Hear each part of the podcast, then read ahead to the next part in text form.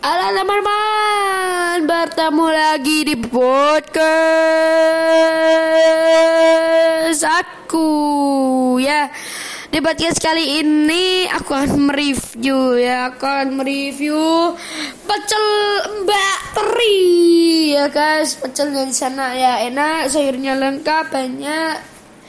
Uh, manisnya dapat, gurihnya dapat, kejutnya dapat ya. Uh, paling saya suka sana adalah bumbu kacangnya ya karena bumbu kacangnya itu pas legitnya pas kacangnya ada pedasnya ada manisnya ada gurihnya ada komplit. Dan biasanya kalau di sana tuh memakai uh, kol ya sayur-sayur kentang pakai telur dan lain-lain sebagainya ya.